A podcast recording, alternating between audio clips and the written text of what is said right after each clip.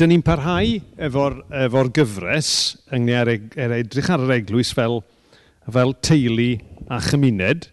A um, dwi jyst yn mynd i roi chydig o bwyntiau fyny i ddechrau, jyst i atgoffa'n hunain.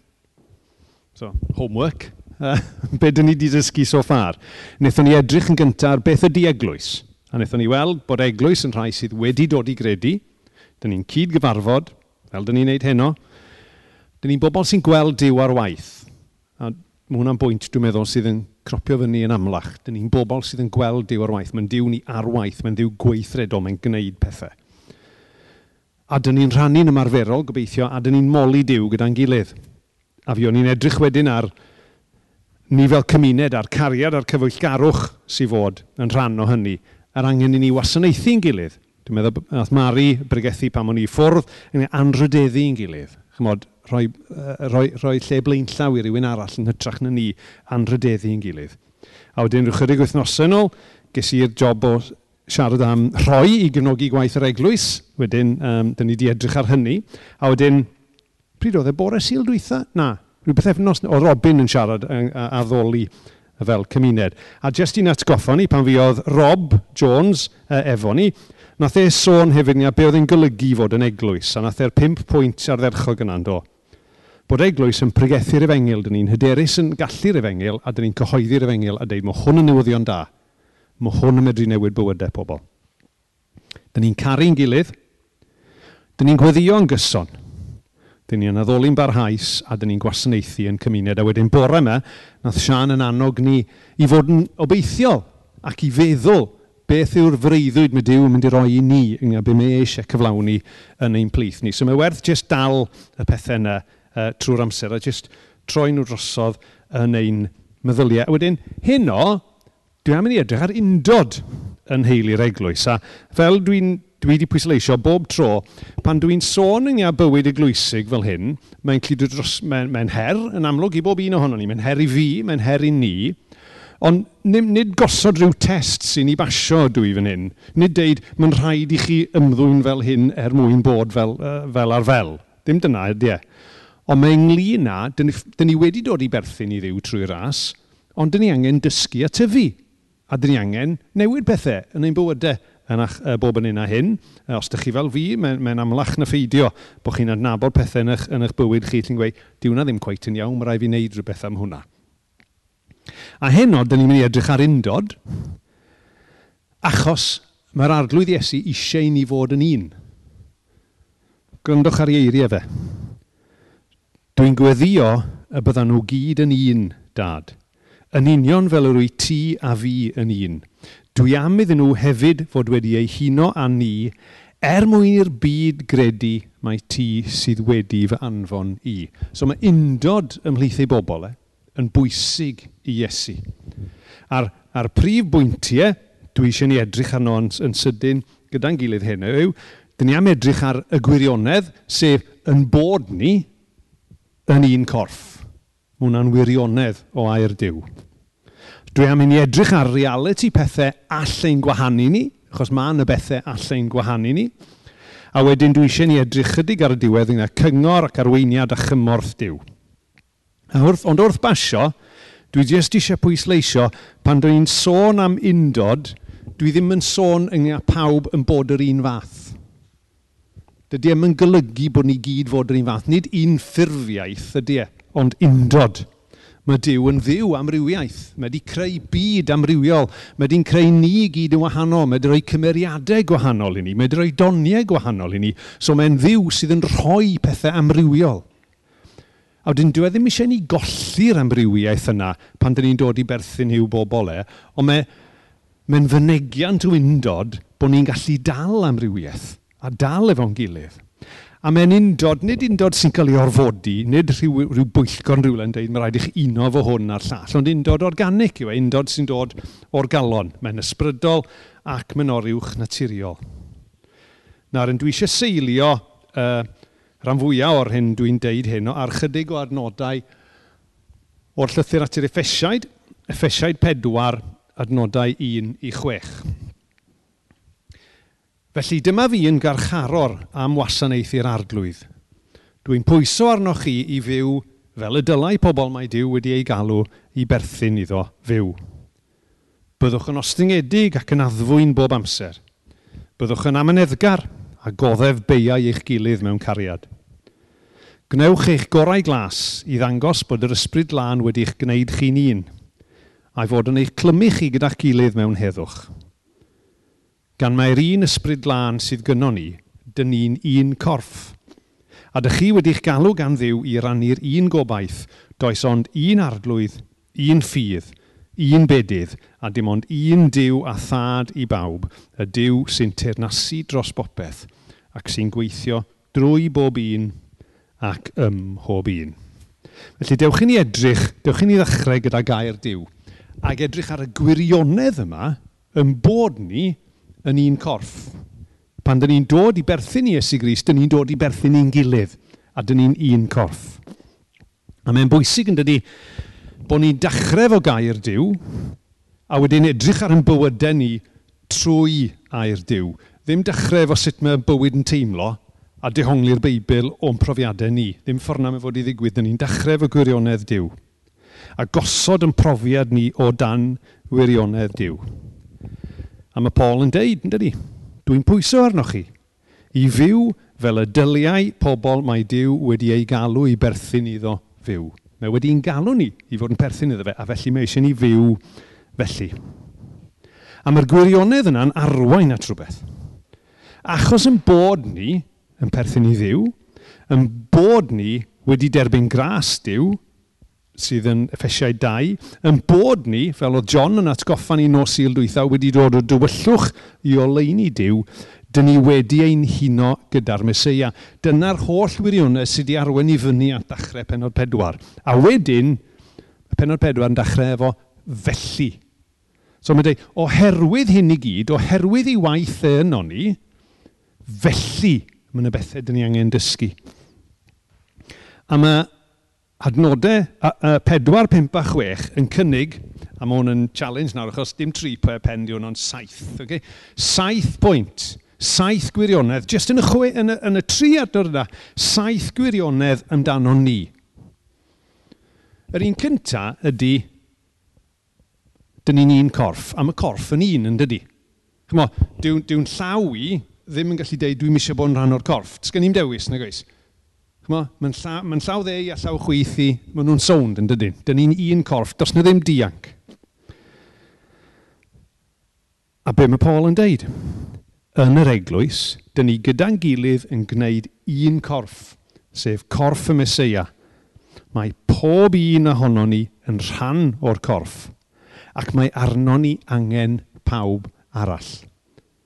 So dyna'r gwirionedd cyntaf. Mi ydyn ni yn un corff, dyn ni'n rhan o'r un corff, a dyn ni angen pawb arall yn y corff.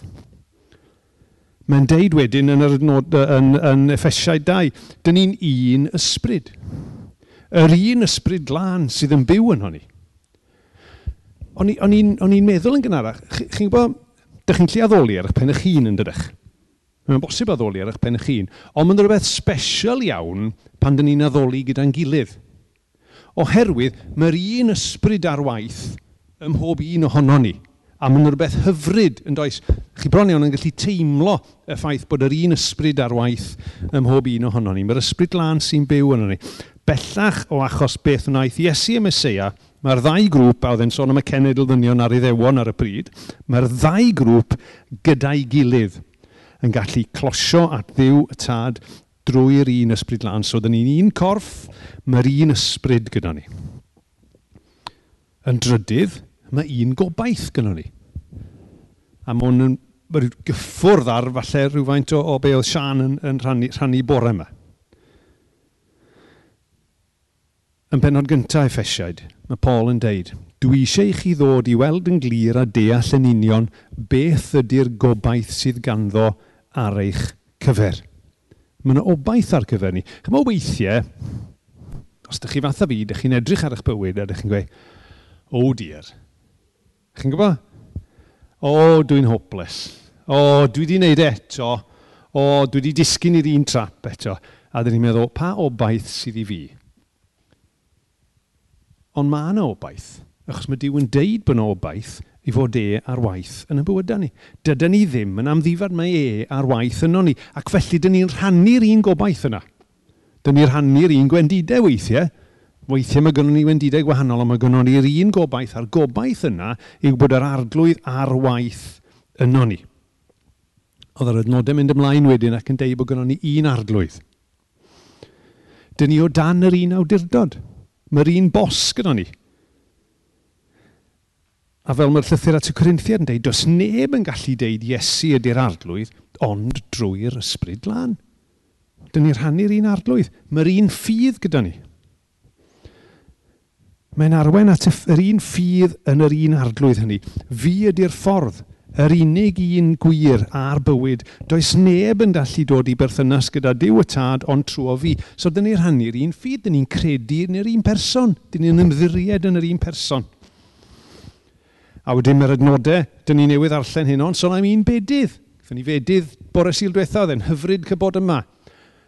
A, chymod, mae'n mae gret, ond be mae'r bedydd yn neud yw atgoffa ni yng beth sydd wedi digwydd i ni, ynddo fe?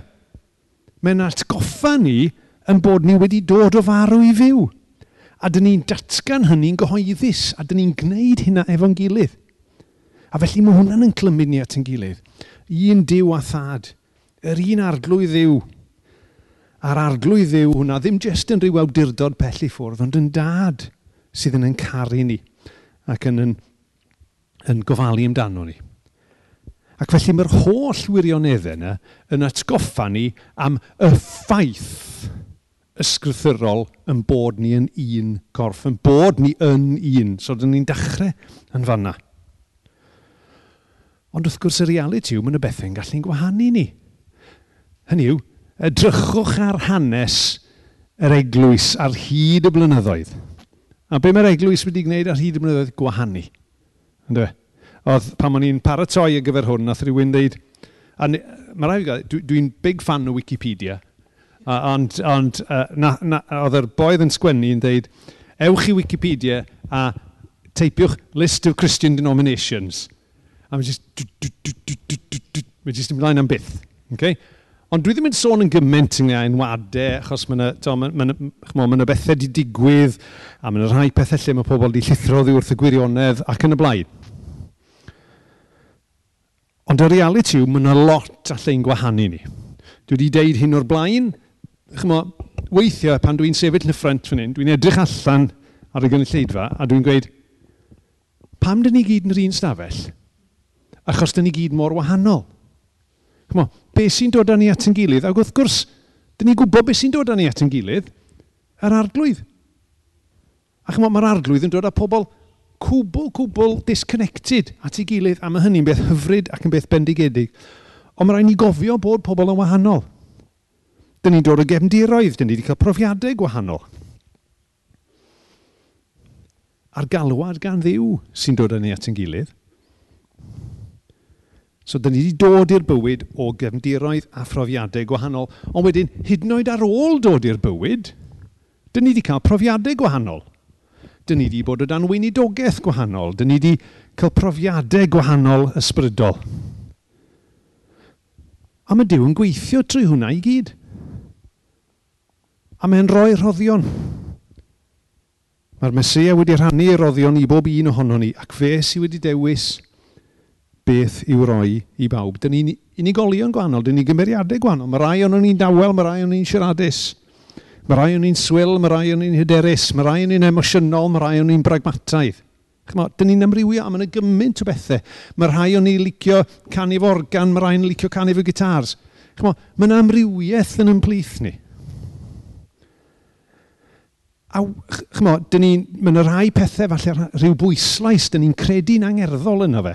A mae'n beth da bod ni'n credu pethau'n angerddol ar sail y profiadau hynny. A mae gynnon ni yn does yr, yr gallu i gyfiawnhau yn barn ni. Mae'n gryf iawn ym mhob un ohono ni. Oherwydd, pan dyn ni'n dod i'r eglwys, dyn ni'n dod i'r eglwys efo'n cryfderau ni a dyn ni'n dod i'r eglwys efo'n gwendidau ni.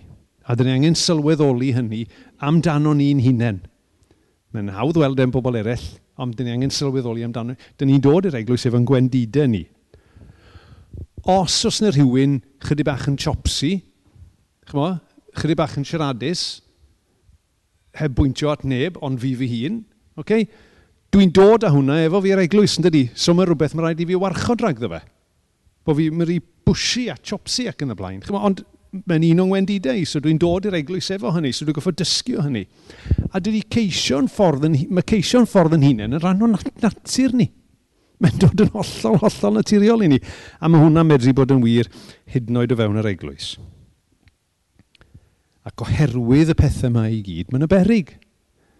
Mae'n y berig bod ni'n gwahanu. Mae'n y berig bod ni ddim yn un. A gryndwch ar ffordd mae Paul yn siarad. A mi oedd yr eglwys yn Corinth yn out there, yn dyfa. Darllenwch y llythyr at y Corinthiad. Waw, oedd yna stwff yn ymlaen o fanna, yn dyfa. A be mae'n deithio nhw? Mae'n deud wrthyn nhw'n reit gadarn. Dych chi'n dal i ymddwyn fel pobl sydd heb dderbyn yr ysbryd. Mae'r holl genfigeni a'r ffreio sy'n mynd ymlaen y warthus. Dych chi'n ymddwyn fel petai chi ddim yn grisnogion o gwbl, oherwydd oedden nhw'n dod i'r eglwys efo'i gwendidau. A oedd y struggles oherwydd hynny.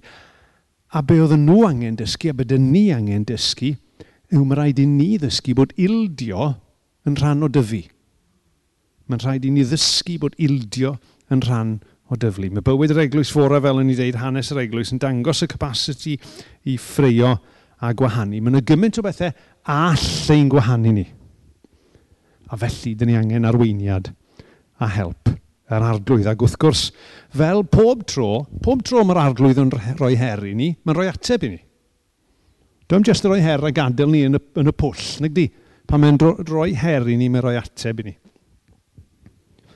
Achos yn yr un darlleniad, yn yr un darlleniad, yn adnod 2, dyn ni'n clywed am bedwar gras allweddol. Pedwar gras sydd yn allweddol er mwyn cadw undod.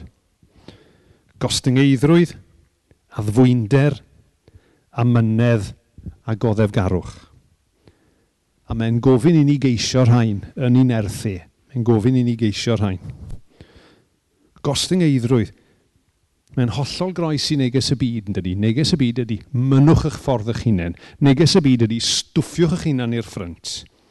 Mae'n hollol groes. Ond mae gostyn eidrwydd wrth galon esiampl Iesu i ni. Meddyliwch am bobl eraill yn gyntaf, yn lle dim ond meddwl amdanoch chi'ch hunain, dylai eich agwedd chi fod yr un fath ag agwedd y Meseia Iesu, meddai Paul yn y Philippiaid, cyn mynd ymlaen i ddisgrifio yn y ffordd hyfryd yna – yng be oedd hwnna'n digolygu Iesu Grist, bod wedi gadael y nefoedd. Gogoniant y nefoedd a di dod lawr a trai fel ni. Dyna beth i ildio, ynddo fe? Dyna beth i gostyngeidrwydd, dyna beth i meddwl am bobl eraill yn gyntaf. Os dyn ni eisiau'n gwybod sut beth ydy, a e, dewch i ni edrych ar Iesu. Yr ail ras ydy addfwynder. Nawr, mae rai fi, dwi wedi roi'r gair groig lawr, ond mae hwn yn pause, really, achos dwi'n rili'n really gwybod beth mae'n feddwl. So, uh, maddeiwch fi, nes i jyst roi'r gair graig lawr, achos oedd e, e mewn llyfr. Okay? Ond, a fwynder ydy'r tynerwch. Y ffordd dyn ni'n ymddwyn at ddiw, a'r ffordd dyn ni'n ymddwyn at bobl eraill. A mae tynerwch, cofiwch, yn wahanol i wendid. Dim gwendid ydy e, tynerwch ydy e. Mae'n ymwneud â'r ffordd dyn ni'n ymateb, ni ymateb. Yn y llythyr at y Corinthiad, yng nghanol yr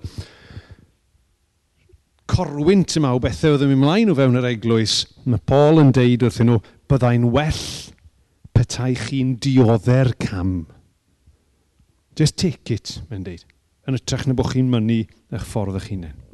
Mae'n golygu meddwl am yr ei gwan wrth wneud penderfyniadau. Oedd yna broblem yn doedd efo bwyta cig ac yn y blaen oedd wedi cael ei aberthio. Rhai yn meddwl bod yn iawn a rhai yn meddwl bod yn ddim. A mae Paul yn dweud, jyst meddyliwch am yr un gwan. Os di'n broblem i rywun arall, peidiwch ei wneud e. A mae'n deud thyn ni, a mae'n dysgu ni i fod yn addfwyn efo'n gilydd ac i feddwl yn, ynglyn â effaith ar bobl eraill. A wedyn mae'n gofyn am y mynedd. Y mynedd, wrth gwrs yn, yn ffrwyth yr ysbryd. Oce, okay, dwylo i fyny pobl am yn edgar yn y stafell. Dwi ddim, yn fe. Okay? Dwi definitely ddim yn amyneddgar. Chymo, oh, gosh, licen ni tre pobl yn neud fel dwi eisiau ddyn nhw'n neud. A mae mor frustrating pam dyn nhw ddim. Wel, come on Jones, bydd yn amyneddgar. Ynddo fe? Dyna beth mae Dyw yn deitha ni. A mae'n datblygu dros amser. Dyma digwydd fel yna, mae'n datblygu gydag amser. Dyn ni'n gweddio yn y llythyr at y colosiau, dyn ni'n gweddio bydd Dyw yn defnyddio'r holl rym anhygoel sydd ganddo, a mi glywson ni am hwnna bore yma, yr holl rym anhygoel sydd ganddo i'ch gwneud chi'n gryfach ac yn gryfach. Wedyn, byddwch chi'n gallu dal ati yn amyneddgar wrth i ni brofi grym diw ar waith yn ein bywyd ni, mi ddown ni yn fwy amyneddgar. A wedyn goddef garwch ymatal, dal yn ôl rhag gwneud rhywbeth sy'n dod yn reddfol neu naturiol. Mae'n amlwg yng Nghymeriad Dyw, mae'n dal yn ôl. A mae gras a thrigaredd Dyw yn gweithio i ffordd allan yn ei oddef garwch e. Mae'n nodwedd o ddiw. Ac oherwydd bod e'n nodwedd o gymeriad diw, dim ond diw sy'n medru helpu chi a fi i amlygu hynny. Dwi'n yn dod o unrhyw le arall, dwi'n e ddim yn naturiol, dwi'n yn dod o unrhyw le arall. A felly mae'r holl arweiniad a chymorth a chyngor yna ar gael gan ddiw ar yn cyfer ni. Cofiwch geiriau Iesu. Dwi am iddyn nhw hefyd fod wedi ei huno â ni er mwyn i'r byd gredu mae ti sydd wedi fy anfon i. Mae ti sydd wedi fy anfon i. Mae eisiau ni fod yn un. Dwi e ddim eisiau ni fod yr un peth. Dwi e ddim eisiau ni gocio bod yna rhyw undod achos bod rhywbeth yn ei orfodiau. E. Dewch i ni gofio'r gwirionedd yna. Mi ydy ni, unwaith dyn ni wedi dod i berthyn i Iesu, dyn ni yn un corff. Dyna sut mae Dyw wedi'n dwy'n ni ynghyd ac mae wedi'n dwy'n ni ynghyd i bwrpas. Y reality wrth gwrs yw, dyw hwnna ddim bob amser yn hawdd. Weithiau mae'n y beth, mm, ddim yn licio hwnna. Dyw hwnna ddim yn siwtio fi. Mae pethau'n gallu'n gwahanu ni ond mae eisiau ni ddysgu o hynny. A'r peth mwyaf mae eisiau ei ddysgu ni o hynny yw mi eisiau ni gael ei gyngor a'i arweiniadau gymor dde. Mae eisiau ni fod yn ostyngedig. mae eisiau ni fod yn addfwyn neu'n amddyfwyn, fel mae'r sleid yn gweud, dwi'n meddwl. Mae eisiau ni fod yn ostyngedig, mae eisiau ni fod yn addfwyn, mae eisiau ni fod yn amyneddgar, mae eisiau ni ddangos goddef garwch. A pan mae hynny'n digwydd, pan mae'r byd wedyn yn gweld rhai sydd mor wahanol mewn gymaint o ffyrdd yn un gyda'i gilydd. Mae mor fendithiol. Mae mor dda. Ydy mae mor hyfryd pan mae brodyr, chwiorydd wrth gwrs wrth gwrs, pan mae brodyr yn eistedd gyda'i gilydd. Mae modd i'r rhai sydd yn wahanol fod yn un.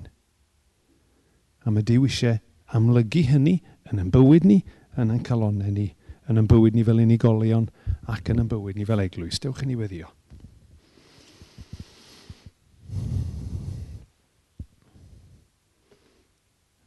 Arglwydd, ni'n diolch i ti dy fod ti'n cyflawni gymaint yn y bywyd ni.